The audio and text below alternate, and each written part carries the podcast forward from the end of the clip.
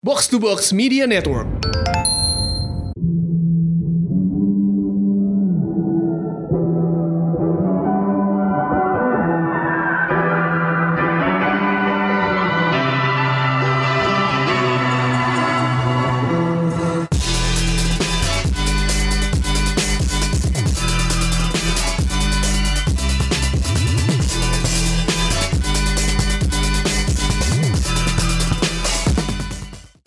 Showbox Podcast. Ada gue Lisa Dan gua Angga. dan kita masih di Jogja ya nggak dalam Oh, iya. rangka rekaman ini. kita lagi menunggu Mas Gari Nugroho, Ah. sutradara dari film Kucumbu Tubuh Tubuh Indahku, Indahku. atau judul bahasa Inggrisnya Memories, Memories of, of My My Body. Body. Ya. Kita mau ngobrol-ngobrol sama Mas Garin Hmm. tentang film terbarunya. Eh, cuman sebelumnya seperti biasa kita mau ngomongin film news dulu. Ya. Dan karena kita masih di Jogja, karena kita masih di JAV, kita masih mau ngomongin tentang ini nih enggak yang menang-menang award di. JAV tahun ini. Banyak Eh, nih daftarnya. iya, menarik sih daftarnya. Eh, kita baca dari awal aja ya. Boleh, Mungkin boleh, dari boleh. Netpack Award eh, ini eh, kategori Asian Feature. Eh, berarti ini film dari sutradara Asia Mm-mm. eh, yang dinilai eh, bisa merepresentasikan eh, diversity dari sinema Asia. Hmm. Yang menang siapa nih enggak? The Song of Great Roots. Wah, Ya, dari Mas Yuda Kurniawan. Yuda Kurniawan. Ya, tahun lalu dia bikin ini ya. Tahun lalu dia bikin balada-balada sinema. Belum. Gak kesampaian gue sempet nonton waktu sekitar dua hari yang lalu. Aduh sorry ya kalau suara gue agak-agak bindeng. Lumayan mau tumbang sebenarnya.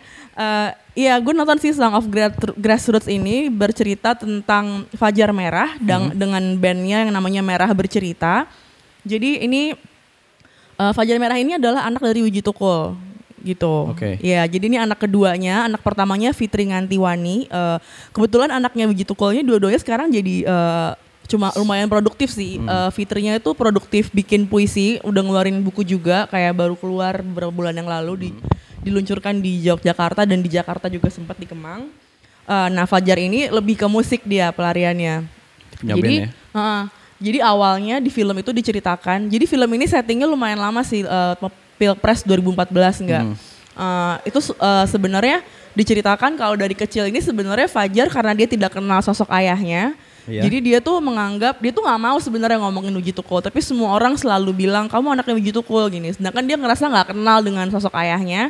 Dan awalnya dia tuh nggak bisa nerima kalau eh, kalau si dia kalau identitas dia tuh dikaitkan dengan ayahnya yang sebenarnya nggak pernah dia tahu gitu kan. Pak dan ini sebenarnya filmnya tentang bagaimana dia akhirnya menerima ya dia tuh anaknya Wiji Tukul dan dia justru berkarya dengan puisi-puisi bapaknya. Jadi eh, menurut gue ini kayak kalau kita tahu puisinya eh Wiji Tukul sempat bilang ada yang terus ada dan berlipat ganda ya bener sih sekarang jadi berlipat Jadi- ganda nih jadi ada anaknya. Fitri dan Fajar yang meneruskan eh, suara ayahnya dalam apa sih menyuarakan ketidakadilan gitu enggak Dan karya-karya mereka kritis-kritis juga. Eh, iya kritis Hmm. tapi eh, menurut gue lebih ke apa ya cenderung eksperimental Hah? eh, nggak terlalu politis ya dalam artian nggak seperti Uji Tukul dulu gitu sekarang tuh mereka lebih suka nge, apa sih kayak tampil ngeband Oh, eh, iya. di tempat-tempat kecil kayak gitu kadang-kadang si Fitrinya juga ikutan baca puisi di tengah lagu gitu dan di film ini digambarin ketika mereka proses kreatifnya kayak gimana kayak gitu dan eh, sangat intim sih karena bener-bener digambarin Fajar eh sorry band merah Hmm. bercerita ini tuh kayak sebuah keluarga buat mereka gitu ketika mereka sama-sama ngerayain ulang tahun Uji Tukul cukup mengharukan juga sebenarnya Oke. gitu. Semoga tayang di bioskop komersial atau ruang-ruang Iya, putar di. Jakarta ya. ini film dokumenter yang sangat menarik sih buat ditonton ya. Oh, oke. Mm-mm. Next ada apa nih enggak? Next ada Ini yang- ini yang hitsnya nih. Golden Hanuman Award. Ini yang Wah, yang siap. apa ya? Ini tertingginya kali ya kalau Iya, di JAV ya. Kayak kayak kalau di Apa Oscar ya? ini kayak best Best picture-nya Pictures, gitu. Best Pictures. Siapa nih yang menang? 20 Steps of May karya Raffi Barwani. Wah. Wah, gue sih nonton ini kelar sih. Gue juga udah nonton gue sih. Nonton ini, gue nonton ini kelar. eh, gue kayak butuh sekitar setengah jam nggak ngomong sama orang saking apa ya? Gue sakit sangat terbawa dengan bahasanya Gak kuat Raffi loh gue sama film ini.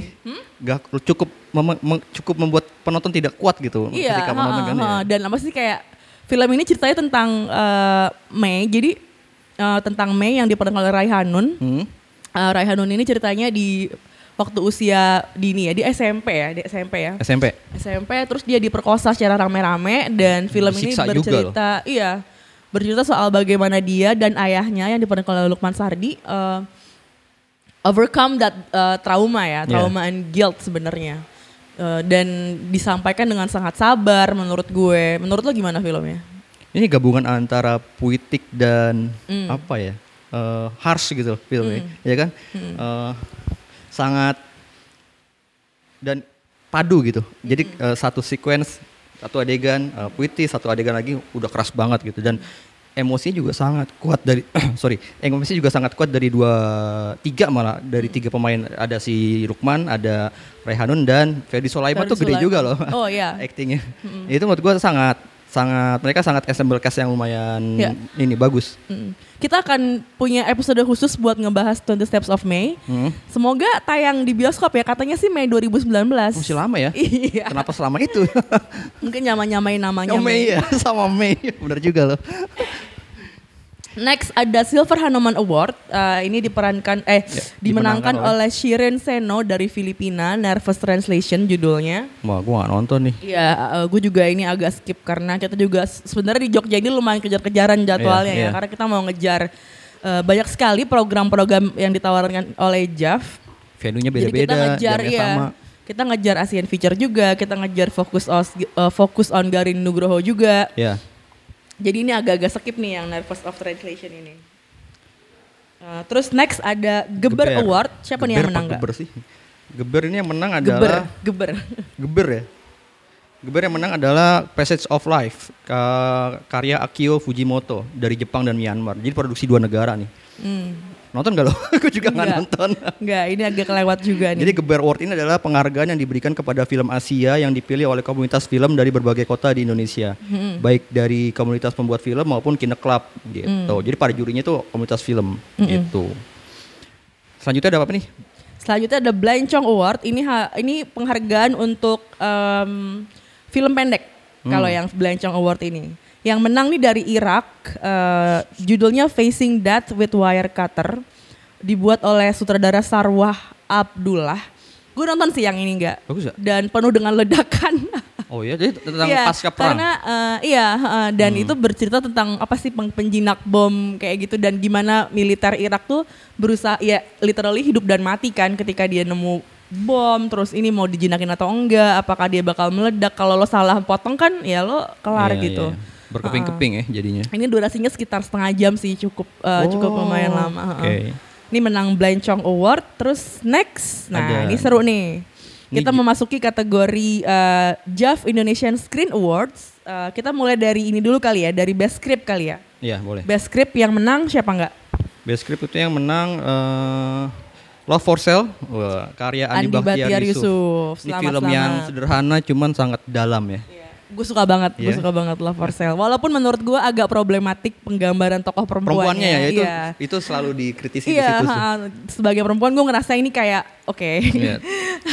ya ngerti ini bisa jadi satu episode sendiri nih kalau gue mau ngebahas Love for Sale. Cuman eh, overall gue suka sih, gue tetap Iya, enjoy iya. nonton filmnya. Leadingnya leading cast-nya bagus-bagus actingnya. ya. Siapa lagi nih? Eh, next ada Indonesian Screen Awards kategori Best Performance yang menang adalah Reza Rahadian di film If This This, Is Is My, My Story. Story. Ini film terbarunya Jenar Maesa Ayu dengan suaminya Kang Kang Lum. Lume.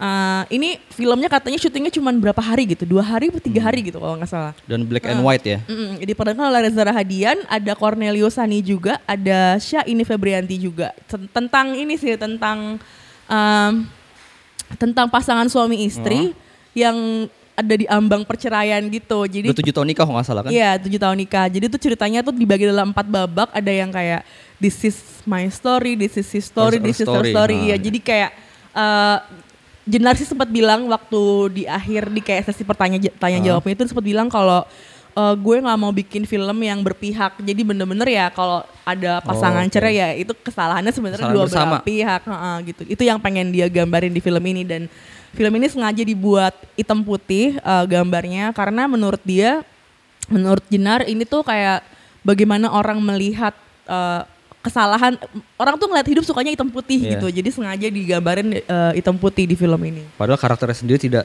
hitam putih, Eh, saya hitam putih itu iya ya. sebenarnya enggak gitu sebenarnya dengan dia ngasih empat bab apa sih empat Tiga babak. perspektif aja kan sebenarnya dia sebenarnya menolak kehitam putihan itu kan cuman ya bolehlah sebagai pilihan estetika sutradara kita hargai Termasuk juga. perspektif orang ketiga kan. Nggak cuma suami istri aja.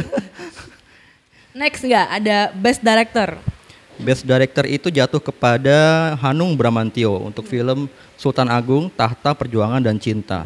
Gue dapet kabar nih katanya film Sultan Agung yang tayang di JAV ini beda cutnya dengan yang dilihat di eh, bioskop beberapa waktu lalu. Bedanya Tapi lebih panjang, sempet- lebih pendek? Nah itu gue nggak nggak sempet ngejar karena kan gue ngerasa gue udah nonton jadi gue berusaha Ternyata ngejar yang, yang beda lain. ya?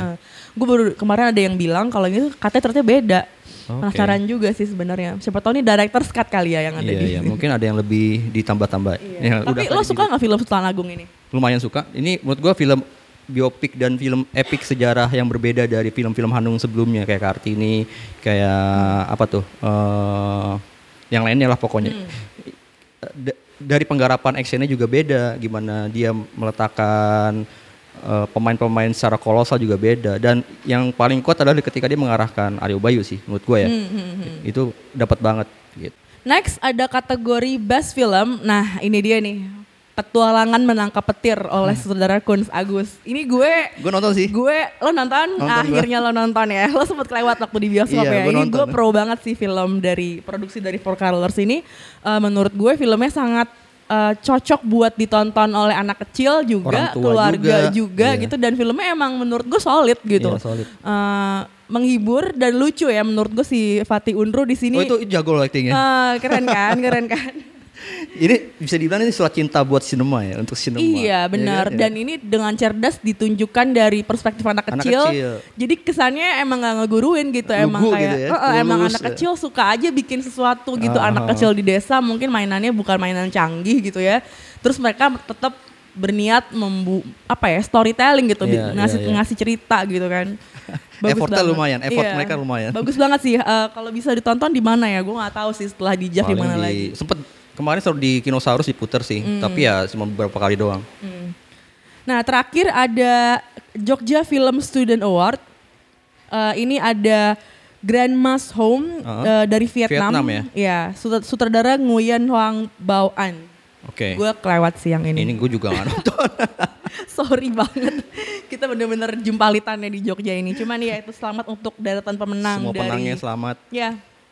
Jogja Netpack Asian Film Festival dan sekarang kita segera ngobrol ya sama Mas Garin. dan Mas Garin. Kita akan bahas tentang nggak cuma filmnya aja, tapi Ya. juga gimana kekaryaan dia selama ini gitu. Dengar dulu nih trailer dari Oke. Kucumbu Tubuh Indahku.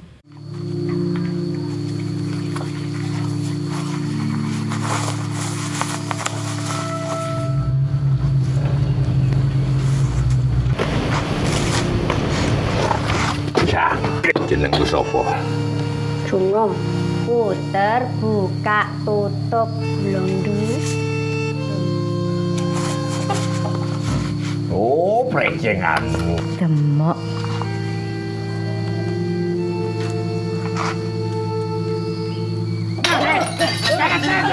Pemiklat lain jangan harus paling cacaran parat.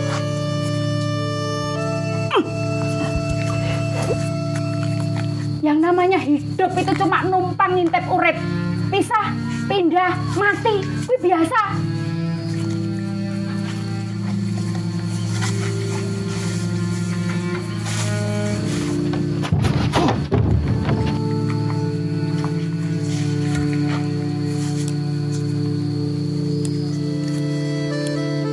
Iki gemblakku. Sok sapa sing wani nyuwil kulit lan daginge aku tandingi.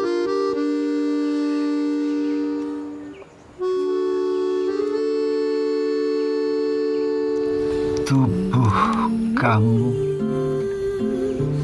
yang bawa urip dan bawa mati.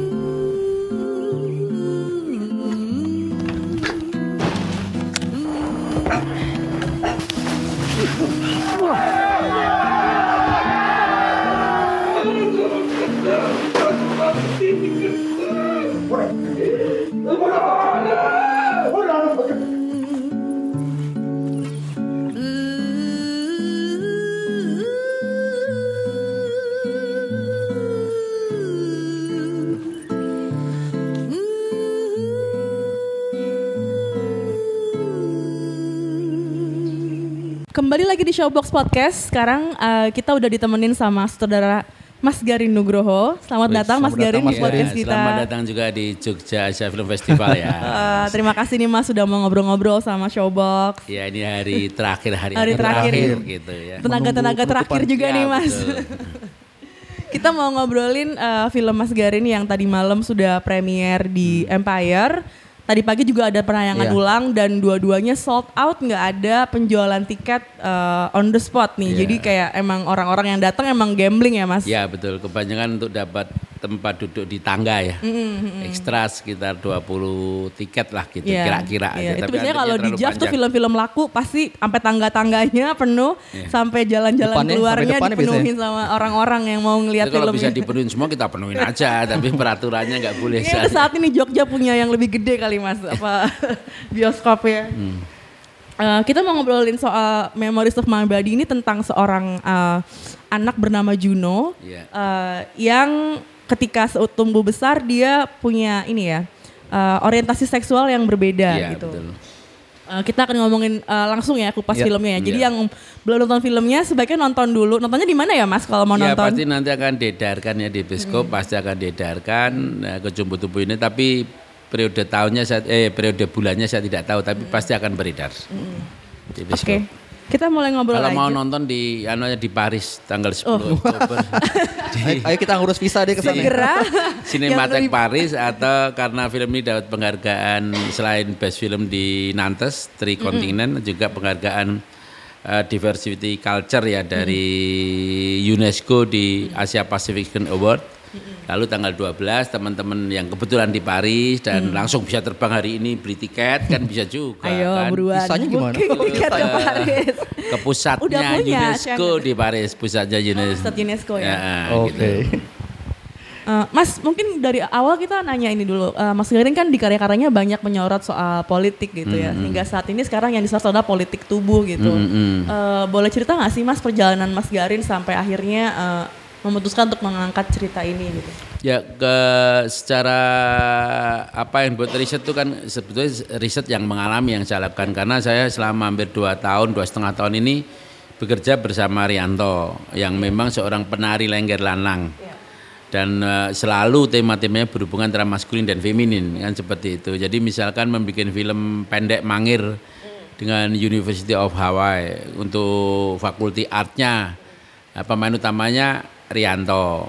Dan kemudian kita tinggal di sebuah eh, tempat yang sangat cantik sekali pinggir pantai tiap hari ngobrol dia masakin. Romantis lah aku sama Rianto itu.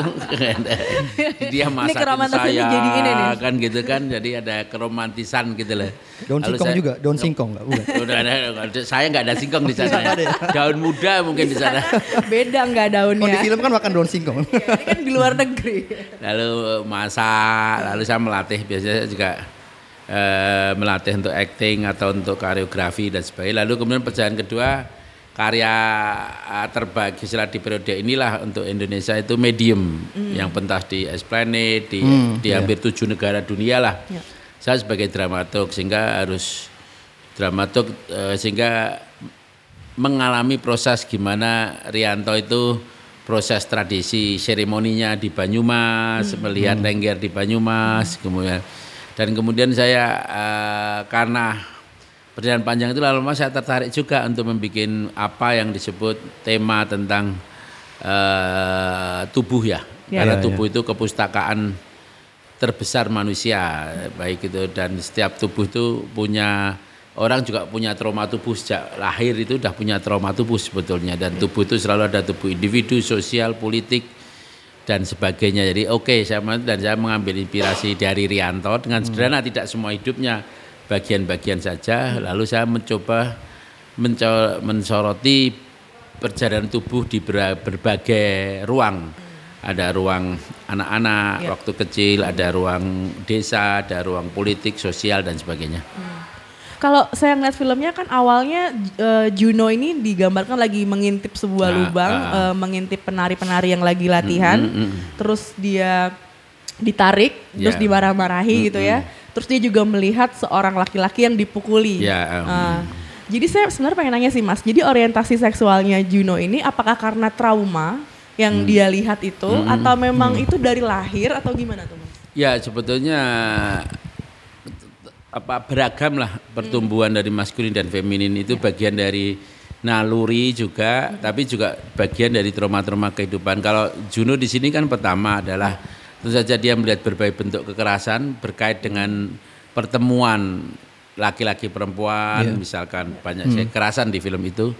Kemudian yang kedua juga environment dan kultur tradisi. Itu bagian dari sejarah negeri ini sebetulnya yang membawa eh, maskulin dan feminin ba- sebagai bagian hidup yang punya yang sama lah dengan wilayah-wilayah yang lain gitu loh. Jadi memang ada dua aspek, aspek trauma kekerasan dan aspek bagaimana lingkungan hidup sehari-hari khususnya kultur itu itu memberi ruang tumbuh bagi maskulin dan feminin gitu.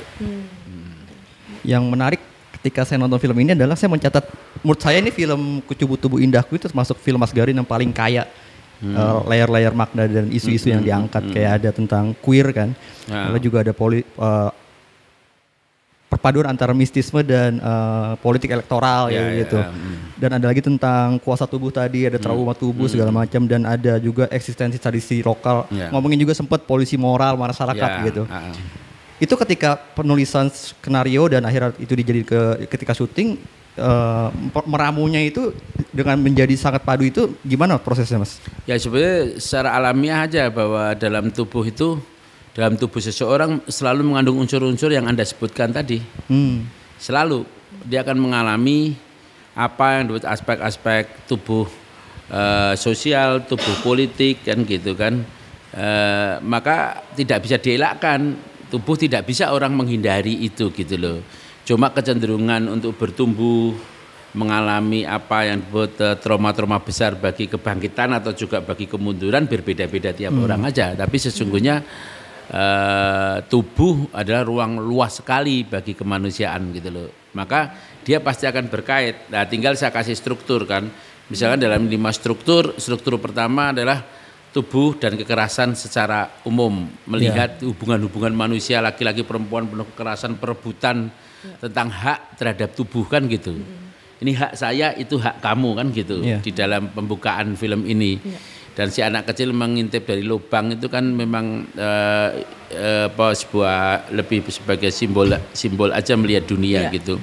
Dan kemudian tubuh kedua adalah tubuh tentang masa akil balik kan. Iya. Tubuh akil balik ya di situ ada sensualitas tapi juga ada kekerasan rumah tangga kan Iya. gitu. Rumah tangga, kekerasan rumah tangga terjadi atau dunia rumah. Kemudian perjalanan lagi mulai dunia remaja. Nah, ini kekerasan juga berbeda lagi yang ada tinju, ada Iya. ini biji mana tubuh itu dijual belikan. Ya kan? Sampai jual ginjal. sampai jual ginjal gitu, tubuh dijual belikan gitu. Ya, setelah itu baru kemudian terakhir tubuh politik.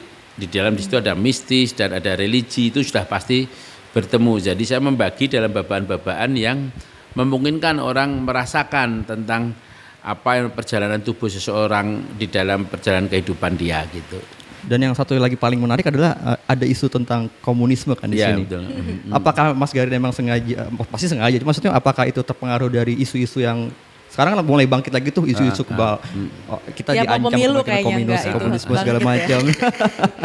Tapi memang kan salah satu trauma tubuh terbesar kan di era 65. 65 ya. Itu merubah seluruh cara pandang terhadap apa yang dasar-dasar pengetahuan, dasar-dasar filsafat, cara-cara berpikir bertindak bangsa ini. Oleh karena itu kalau itu saya letakkan di dalam bagian dari trauma individu, karena sebetulnya itu masih melekat sampai sekarang Iya, menjadi sebuah apa ruang lah di mana trauma-trauma itu dimunculkan kembali secara kontraproduktif kan gitu. Maka itu saya letakkan sebagai latar cerita bahwa inilah trauma tubuh kekerasan ter- salah satu yang terbesar di negeri ini gitu. Oke.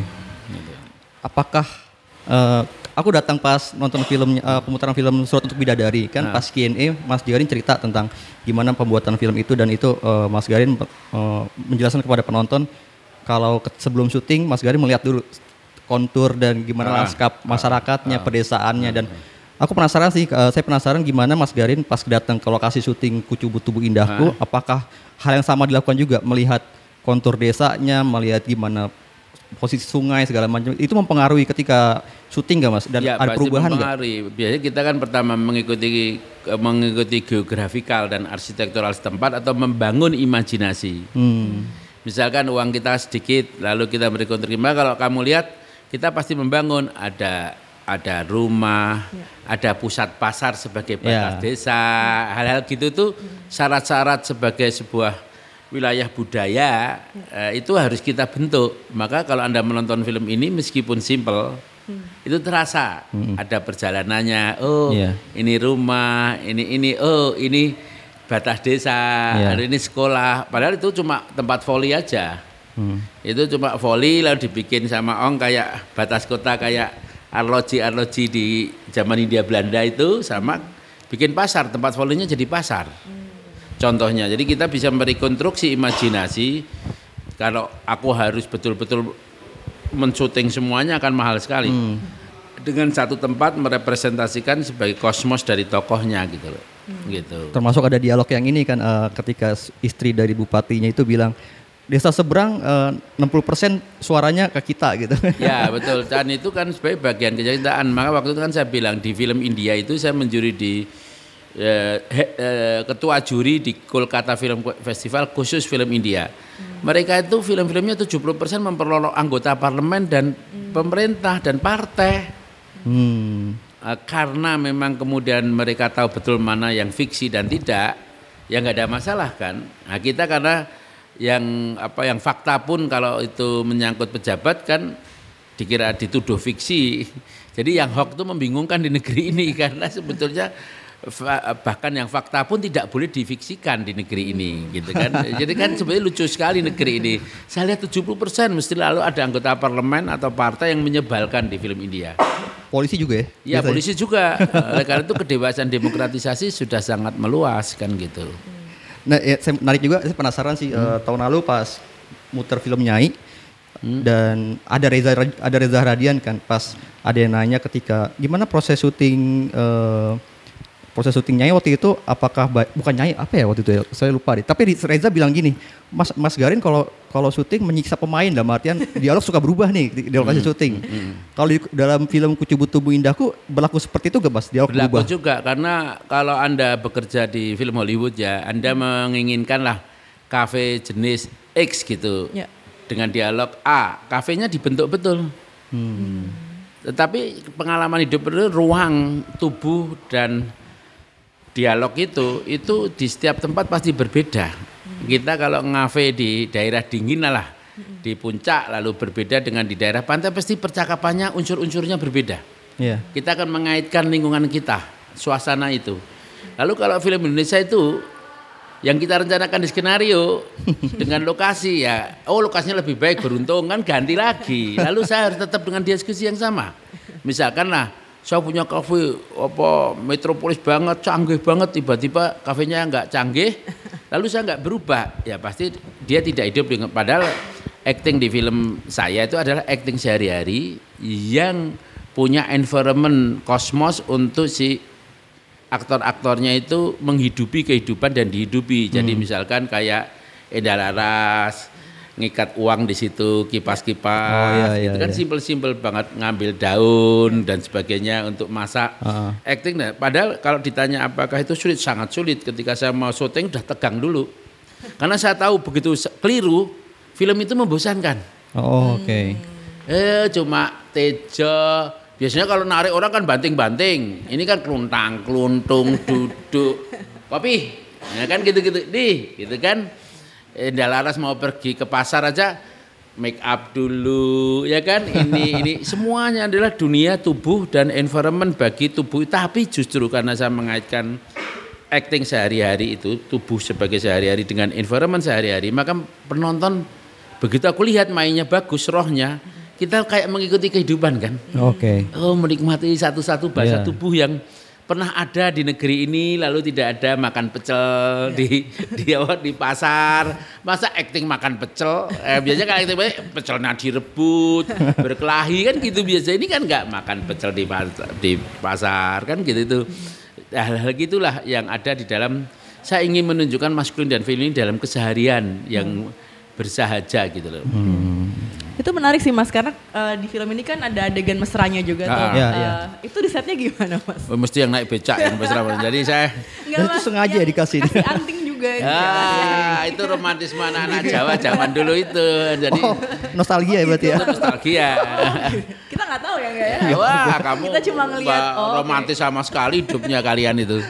Iya, Tapi Mas, biasanya sebagian sebagian cerita-cerita di film saya masa kecil itu eh, lebih banyak sebagai biografi. Oke. Oh gitu. Eh, Jadi kalau cuma ngencingin jangkrik ya itu biasa itu kehidupan saya Iya. sehari-hari Iya, iya, iya. atau misalkan di ah jatuh cinta cemburu sama cewek ceweknya lewat jembatan dikasih tai manusia supaya nempel itu ya sehari-hari saya juga jadi banyak sekali di film saya film anak-anak itu lebih representasi kehidupan sehari-hari jadi tahun depan aku lebih baik membuat film kehidupan anak-anak saya itu mesti bandel banget dan gampang lah itu Udah saatnya nih kayak Mas Garin bikin film.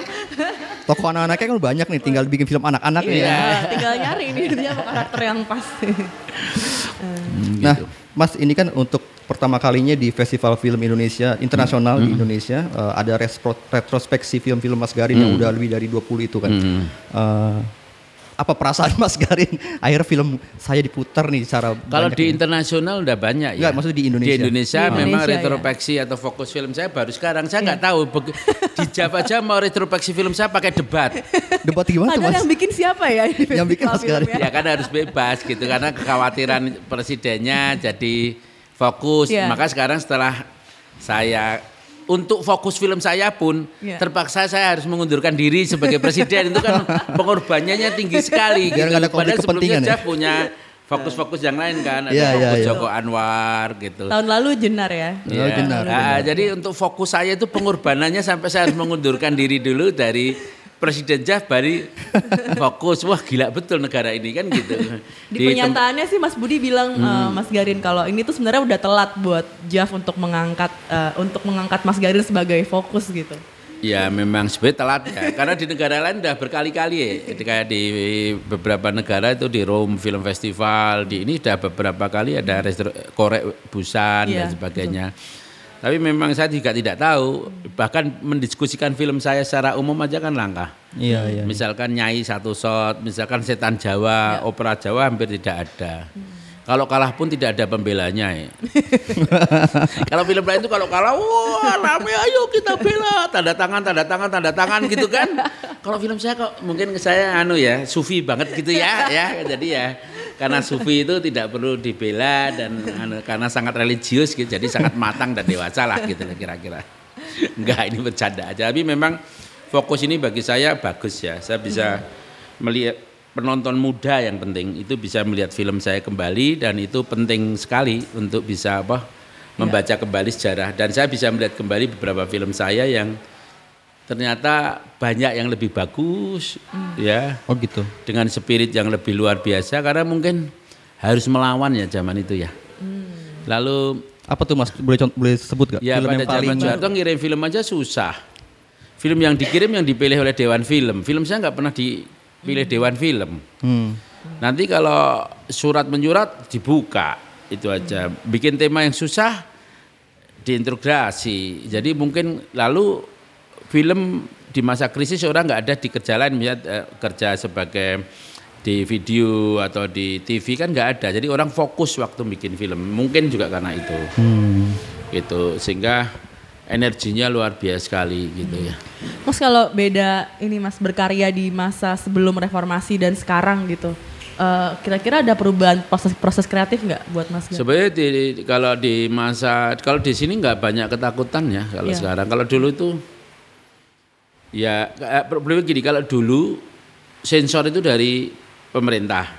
Kalau se- sekarang sentral dari se- sensor itu dari masyarakat dan komunitas atau organisasi masyarakat. Hmm. Jadi kekerasan sensor itu dibangun oleh organisasi-organisasi masyarakat. Ya kan? Iya. Ancaman dulu lewat polisi datang, sekarang se- lewat handphone kan gitu, WA kan gitu beda aja. Jadi ada perbedaan cara, cara menanggapi, berpikir, bertindak gitu. Ya tapi menurut saya masyarakat sekarang lebih hitam putih.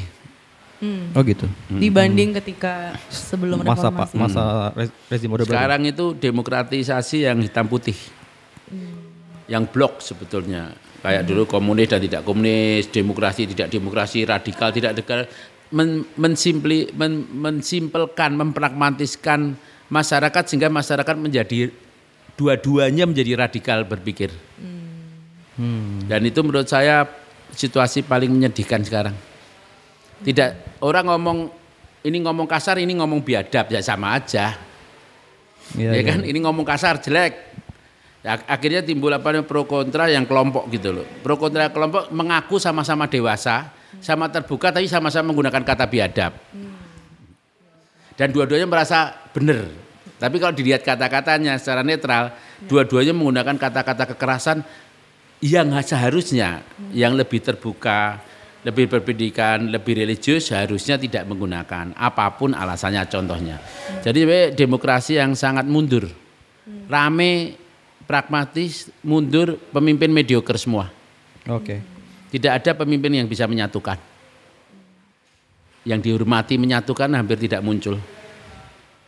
Mis- Jadi warga sebagai warga penggemar aja, bukan warga negara. sebuah komentar yang sangat eh, tajam Dalam dari ya. Mas Garin Nugroho. Ini yang menarik ketika eh, wawancara Mas Garin selalu pasti ada kritik-kritik dan memang film-film sendiri memang selalu memuat-muat itu kan. Iya betul. ah. Yang menarik juga eh, eh, dari film-film Mas Garin selama ini selalu ada kayak pendekatan-pendekatan baru eh, yang selalu dieksplor Mas Garin kayak misalnya eh, apa namanya Cinta dan Sepotong Roti itu kan film road movie pertama di Ya. Indonesia. Lalu juga ada film menggabungkan dokumenter fiksi itu ya, Ya. Saya suatu bidadari. Lalu juga ada film dengan one take Ya. Nyai, ini film Nyai. pertama juga tuh. Eh, ada juga film opera Jawa yang menggabungkan seni pertunjukan, Ya. instalasi dan tarian kan. Dan Mas Gani kenapa sih eh, selalu tertarik untuk mengeksplorasi seni-seni itu dalam satu film dan itu jadi kayak semacam yang perdana, yang perdana gitu. Karena harus cari yang baru supaya nggak ngantuk waktu kerja. Oh, Kalau mengulang terus adegan sama kita kan sebenarnya sudah tahu bikin adegan itu jadinya kayak apa. iya iya iya. Lalu ngapain? Lalu aku sering ngantuk tanya teman-teman kalau lagi adegannya apa iya kalau adegannya bikin adegan kita kan sudah tahu juru formulanya, eksplorasinya kan udah tahu. Oh ini pemain jadinya nilainya B ini jadi eh, udah tahu kok. Hmm. Pernah aku tidur pemainnya marah ngekat sendiri. Serius, itu film apa Mas? Iya, ada lah film Sugio. oh gitu. Karena kita udah tahu ini jadi tapi kalau misalnya kamu setan Jawa lah, Ya, ya, ya. itu kan kita harus ngelihat Iya. karena bahasa-bahasa apa dialognya pun sangat beda. Ah, Tapi kalau yang sudah drama, narasi, lalu tidak ada sesuatu yang baru, ya tidurlah saya kan gitu. Jadi memang harus itu satu. Kemudian saya selalu ingin membuat film itu bukan soal kesempurnaan kok. Membuat film itu menemukan, Ah, menemukan bisa estetik, bisa teknologi, bisa eh, konten atau bisa cara storytellingnya dan setiap kali harus menemukan dan kemudian kita merasa berprogres. Tapi kalau membuat suatu itu kayak membuat peta, ya kan? Kalau ah lah udah jalan tol sampai bayar selesai, ya untuk apa? Enggak menarik sama sekali hidupnya. iya, iya. Jadi memang harus menemukan sesuatu dan berprogres. Kalau kita berprogres semangat. Ya juga misalnya acting sehari-hari, ya kan gitu. Waduh jadinya kayak apa kan gitu. Misalnya membuat set dalam studio kayak puisi atau apa gitu kan kayak rindu kayu padamu. Iya. Wah gimana menghidupkan Di pasar set, ya? jangan gitu pasar. Itu kan semua menimbulkan selalu indera kita, intelektual kita dan cara pikir tindak kita itu dibawa ke dalam pengalaman yang belum pernah. Gitu. Dan itulah yang dan kemudian saya biasanya membuat peta sendiri. Oh, tahun ini saya bikin awal tahun itu eh, persoalan-persoalan awal abad kebangkitan Indonesia udah saya bikin semua lah. Ah, iya. Kecuali yang di pasca kerajaan saya nggak punya, tapi awal kebangkitan organisasi dari mulai Serikat Islam yang bercirikan buku-buku nyai dan mistisme Iya, lewat iya. setan Jawa selesai sebagai dasar berbangsa. Oke. Hmm, gitu. Kemudian yang kedua tahun 49 tentang minoritas, Sugio kepemimpinan, lalu tahun 65 tentang puisi terburukan, 70 90 "Ah, aku jatuh cinta, cinta sepotong roti dan sebagainya. Pasca reformasi desentralisasi lewat film Papua dan kemudian radikalisme yang tumbuh Mata tertutup. lewat mata tertutup, lalu seni-seni yang bersambungan lewat opera Jawa, lalu sekarang lewat tentang masalah maskulin dan feminin. Jadi saya selalu apalagi ya yang ingin saya jelajahi baik pada unsur-unsur visual, unsur artistik maupun unsur-unsur visi mis- visi dan kegelisahan yang ingin saya katakan gitu. Apalagi Mas tahun depan? Tahun depan saya mau bikin teater dengan choir. Oh gitu. Ya, Wow. Saya juga tegang kan lagi. ya, Produser saya aja tegang semua kok kan gitu. Membuat orang jadi tidak bisa tidur lagi ya. Ah, dia juga oh, besok ganti choir itu gimana? Saya masih mikir kan gitu. Saya masih mikir. Tapi itu menimbulkan apa yang buat seluruh indera kita kan hidup. Hmm. Kita menjalani sesuatu yang nggak pernah kita kayak kita jalan di sebuah kota yang kita harus cari peta kan. Iya. Ya, maka pengetahuan, keterampilan dan spirit yang dibangun tiga-tiganya dan strategi empat-empatnya itu terus menerus tumbuh kalau kita misalkan lah wah mahal nggak ya kita cari choir saya udah keliling Papua lihat choir terbaik Oh gitu. Laga- lalu ke NTT ya aku lihat choir-choir terbaik mengunjungi Larantuka lihat pemilihan lagu-lagu Lamensia udah semua Hmm. nanti lagi Desember lagi gitu. Jadi ada proses eksplorasi untuk menemukan yang belum pernah saya lakukan. Berikan ruang, misalnya setan Jawa. Tahun ini aku harus ke sirkuit-sirkuit seni pertunjukan yang terbesar. Tidak ke International Film Festival nggak apa-apa. Dilemanya memang orang-orang anak muda sering menanyaan Mas Gen kok nggak punya ambisi sih misalkan pengen lagi ke Berlin yang kompetisi internasional saya bukan orang seperti itu. Lalu filmnya dirombak, oh itu filmnya terlalu banyak pernyataan tentang trauma kurang bagus. Kalau dirombak bisa festival loh. Festival itu adalah penghargaan. Tapi saya ingin memberi pernyataan tentang trauma tubuh. Oke. Nah, bahwa ini yang mengambil beberapa festival lebih rendah ya nggak apa-apa. Yang penting bahwa apa yang ingin saya katakan itu muncul sebagai diskusi sharing gitu dan perasaan penonton gitu aja. Mas waktu di uh, sesi tanya jawab aku ingin menciummu sekali saja Mas Garin cerita waktu itu sebenarnya uh, tadinya mau di pesantren terus karena nggak ada Ya. dana terus jadi berubah gitu Ya. ya. Karena topiknya mungkin kontroversial kan. Ah. Kalau Pesantren ya yang tadinya ya? Iya. terus jadinya Katolik. Ih, jauh banget ya. Kalau kalau yang Kucumbo ini kan dia temanya uh, queer LGBT gitu ya Mas. Sempat ada halangan itu juga nggak sih untuk Ya sebetulnya dari, dari segi sebetulnya produksi? dilema itu jangan anjing menggonggong, kafilah ikut menggonggong jadi jadi anjing gitu loh. Nah, pemimpin politik dan kita itu gitu, diserang sedikit dia kafilah harusnya kan membawa barang itu ke tujuan. Itu malah dia jadi anjing, ikut menggonggong habis itu malah turun dari ontanya ikut ngejar anjingnya. Jadi mana anjing mana kafilah kita nggak tahu gitu loh. Bahwa setiap pembikin film ada kritik, ada tantangan itu hak-hak mereka semua. Oke. Dan perlu nggak kita melakukan sebuah argumentasi keras dan kita itu tergantung kita kita mau tujuannya apa sih gitu. Kalau misalkan festival ini eh, saya membuat film ingin Sugio itu masuk gitu ya. Lalu kemudian ada diskusi apa kita ceritakan ya apa keluarga Sugio itu semua Islam jadi Katolik ini kita pahlawan loh jadi ini. Ya, Tapi goalnya apa? Goalnya kan nilai-nilai Sugio Pranoto. Lalu apa yang dicerita tergantung goalnya. Goal, goal visi itu berseberangan dengan apa eh, berdampingan dengan apa yang disebut dengan eh, nilai-nilai keberanian. Tapi keberanian itu tidak mungkin kata Cokroaminoto tanpa eh, kecakapan strategi dan ketinggian ilmu kan. Kalau sekedar berani aja kan banyak yang gagal dalam hidup. Jadi seluruhnya harus punya keberanian. Tapi kalau ditanya apakah lalu lalu tidak berani ya kalau saya bikin kayak apa film Papua coba lihat aja ketemu para pemberontak ya kan ya bikin Sugio banyak ancaman mau bunuh kayak apa kayak tapi saya tidak pernah menceritakan itu ke media karena menurut saya hak, setiap orang untuk berkata tidak dan kita tidak perlu merasa bahwa orang mengatakan tidak itu sebagai rendah sebagai suatu yang istilahnya itu lalu dia menjadi radikal semuanya stereotip dan kita membangun musuh di depan kita kan nggak perlu sama sekali. Keberanian itu adalah keberanian untuk menghidupi tapi juga keberanian untuk menyatukan kan. Maka saya biasanya banyak sekali masalah. Tapi ya ya kalau tidak melanggar undang-undang betul di dalam pengertian yang ini ya kita bisa melakukan jawaban-jawaban dengan cara-cara ya tadi anjing menggonggong kafilah tetap berlalu. Jangan anjing menggonggong kafilah turun ikut jadi anjing. Itu politik kita gitu. Baru diserang sedikit jawab. Serang sedikit jawab. Sama-sama rakyat nggak tahu mana yang kafilah mana yang anjing. Perang kata-kata ya Pak. ya betul. Terakhir nih Mas, eh, sebagai pembuat film yang sudah makan asam garam, Bukan, wes, iya, iya. istilahnya kuno banget jadul banget ya, ya makan asam garam, dan Mas Ari Mesti sering filmnya kok anu komiknya Kopingho itu Kok tahu sih? Pendekar yang telah makan asam garam. Gak ada Ketahuan referensi ya. lo nggak? Ya kan, turun gunung, sudah turun gunung gitu kan istilah-istilahnya. itu. Mas Gai kan eh, sering ini ya, sering eh, punya keinginan untuk berkolaborasi dengan anak muda nih. Mm-mm. Ah, Filmmaker filmmaker muda dan mm. pesan aku pengen tanya sih apa sih ada pesan tertentu gak sih yang di, untuk dari Mas Garin terhadap kepada para generasi film muda sekarang yang Mas Garin kan udah eh, beda banget nih generasi dengan anak-anak kayak Hmm. misalnya kayak yang generasi tahun 90-an sekarang yang udah Hmm. lahir tahun 90-an dan mereka sekarang udah mulai berkarya bikin film gitu. Ah. Ada Ya- pesan-pesan tertentu gak Mas?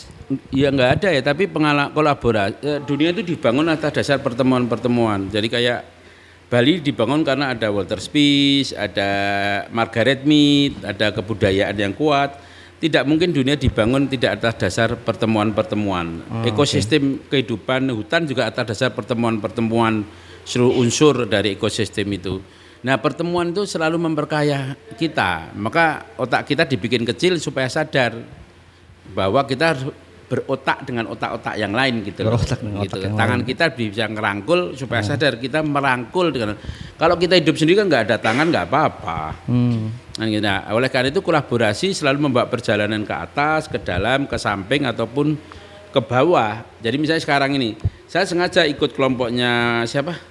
Iva yang sangat-sangat anak Jogja baru, Oh, gitu oke. kan? Yang aku saya juga harus adaptasi menghadapi dunia baru sama sekali. Dan itu ya periode saya selalu lakukan. Oke. Ya misalkan lah waktu film-film pertama tiba-tiba Riri Isa umur gini, ini ada duit 650 ambil ke bank ya, ini sistem produksi ini ini.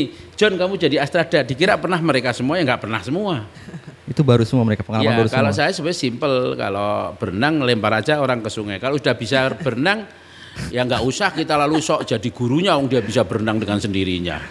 Tapi kalau dia nggak bisa, ya kita apa kita kita dampingi dengan cara-cara yang macam-macam, nggak usah harus juru atau juga sistem beban. Hmm. Jadi kalau orang dikasih beban cukup, misalnya dialog eh, pendek eh, dua detik cukup. Nah ini pinternya anak tambah beban lagi. Ya, kayak kayak angkat besi aja lah ya. Orang-orang kan sering kok ditambah-tambah terus sih gitu kan. Ya karena dia ma- mampu untuk beban itu sendiri gitu. Tapi menurut saya eh, apa yang disebut dengan pertemuan dengan generasi baru, dengan generasi maestro, saya selalu ada maestronya. Sehingga saya menemukan perjalanan yang betul-betul pada aspek profesionalnya yang ter- terbesar ya. Jadi misalnya ra- raja ya raja Sumba. Iya. Eh, gamelan ya Mas Pangga Oh, iya. kan gitu kan. Eh, apa namanya? Maskulin feminin Rianto kan gitu-gitu ya kan. Jadi Udah ada maestro-maestro. ya. Iya, jadi saya itu selalu mengikuti jalan pedang lah Ciaila. Wah, itu Ya kan, ya, tahuan kan referensinya yang kan? Pedang aku yang relak-relak aja, orang nggak gabatitan gitu kan, aku cuma di belakangnya kan gitu. Nggak jauh beda sama saya referensinya nih. Jalan pedang, asam makan asam garam Tapi kan. jangan asam garam pendekar turun gunung. Mas Garin, thank you banget Makasih udah ngobrol banyak, Mas sama Garin. ya sama-sama gitu. Semoga Jadi banyak yang segera bisa nonton filmnya Mas di bioskop. ya tunggu ya, karena sangat menarik dan menyenangkan dan asik lagu-lagunya dari Mundu. Iya bener, asik-asik Betul. lagunya. Showbox adalah kolaborasi dari Good Show dan Box to Box Media Network. Eh, makasih banget udah dengerin wawancara kita dengan Mas Garin buat episode kali ini. Sampai ketemu lagi. Sudah. Bye.